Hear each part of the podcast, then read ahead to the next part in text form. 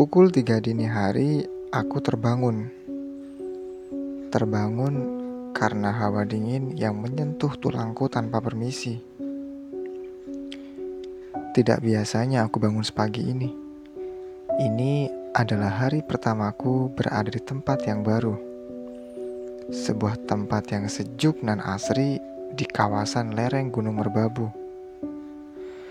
Sebuah tempat yang jauh dari ingar-bingar perkotaan dan sebuah tempat yang jauh dari rumah yang memiliki jutaan kisah dan kenangan. Setelah kepergiannya beberapa minggu yang lalu, aku memutuskan untuk pergi. Berharap di sana aku bisa cepat melupakan dengan cerita dan kenangan yang baru.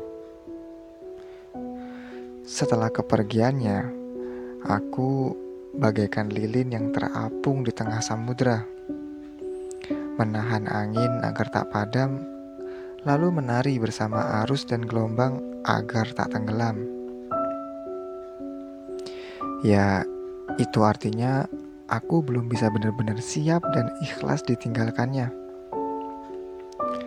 Ya Tuhan, ampunilah segala dosa ibu dan ayahku tempatkanlah di tempat yang sebaik-baiknya.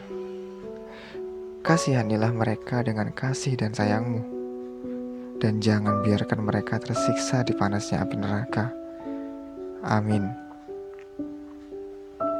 Bagiku, keluarga adalah segala-galanya, tempat yang bisa menguatkan saat dihancurkan oleh kenyataan, tempat sandaran terbaik di saat jiwa dan pikiran lelah dipercundangi dunia.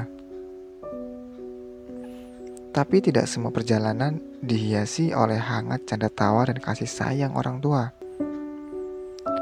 Karena tak semua memiliki hadiah yang sama.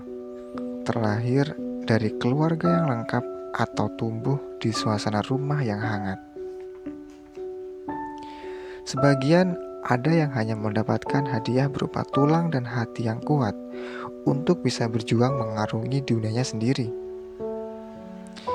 Tapi mirisnya, mereka yang jelas-jelas memiliki keluarga yang lengkap malah cenderung menyia-nyiakannya. Masih sering melupakan keluarganya dengan berbagai macam alasan.